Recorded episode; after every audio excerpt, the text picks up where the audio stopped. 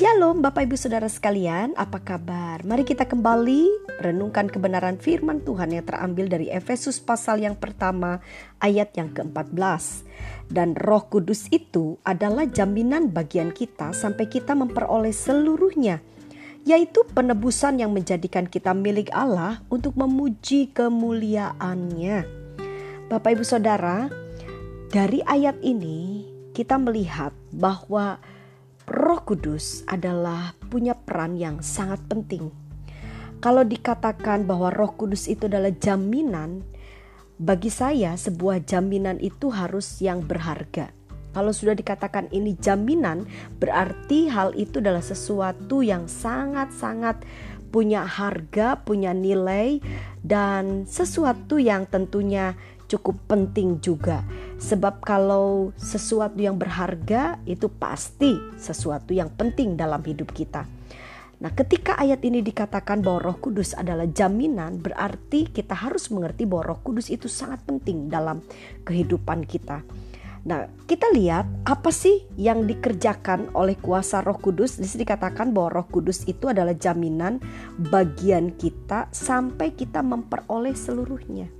Jadi, ketika Roh Kudus itu ada di dalam kehidupan kita, maka Roh Kudus menjadi jaminan bagi kita untuk memperoleh sesuatu.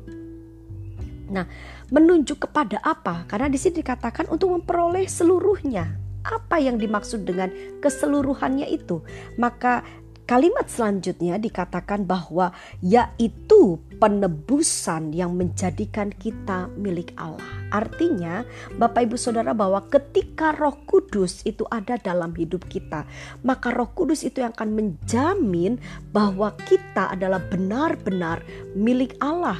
Nah, yang dimaksud milik Allah sebuah penebusan yaitu di mana betul-betul kita sudah dibenarkan di hadapan Allah. Karena manusia dengan Allah pada awalnya memiliki hubungan yang retak. Karena dosa, maka manusia tidak bisa lagi untuk berhubungan lebih dekat lagi dengan Allah seperti Adam sebelum jatuh di dalam dosa, Adam memiliki satu hubungan yang begitu dekat dengan Allah. Nah, dosa itu memisahkan kita dari Allah sebab Allah itu kudus. Nah, tetapi Roh Kudus itu akan memulihkan hubungan saya dengan saudara dengan Tuhan. Sebab dikatakan ketika Roh Kudus itu betul-betul ada di dalam hidup kita, maka hidup kita akan mulai dikategorikan sebagai anak Allah. Ini jaminan di mana pemulihan sebuah hubungan antara kita dengan Tuhan. Dan tentunya pemulihan hubungan kita itu didasari dengan sebuah penebusan. Artinya sesuatu ada harga yang harus dibayar dan tentunya itu semua dikerjakan oleh Allah sendiri. Jadi Bapak Ibu Saudara sekalian, dalam hal ini, kita harus memahami bahwa betapa penting Roh Kudus bekerja dalam hidup kita, karena Roh Kudus adalah sebuah jaminan. Kalau kita mempelajari dalam Firman Tuhan, di manakah dan kapan kita bisa betul-betul hidup kita dikendalikan oleh kuasa Roh Kudus?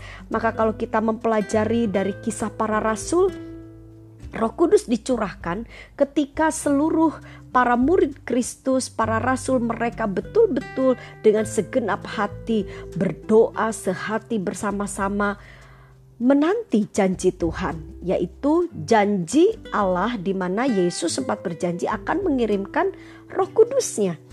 Jadi Bapak Ibu Saudara sekalian ketika saya dengan saudara sungguh-sungguh merindukan kuasa roh kudus bekerja dalam diri kita. Mari hidup terus melekat kepada Tuhan, nantikan janji Tuhan, terus ada di bawah kaki Tuhan, terus kejar hadiratnya sampai betul-betul hidup kita ada di dalam pengendalian kuasa Roh Kudus. Amin.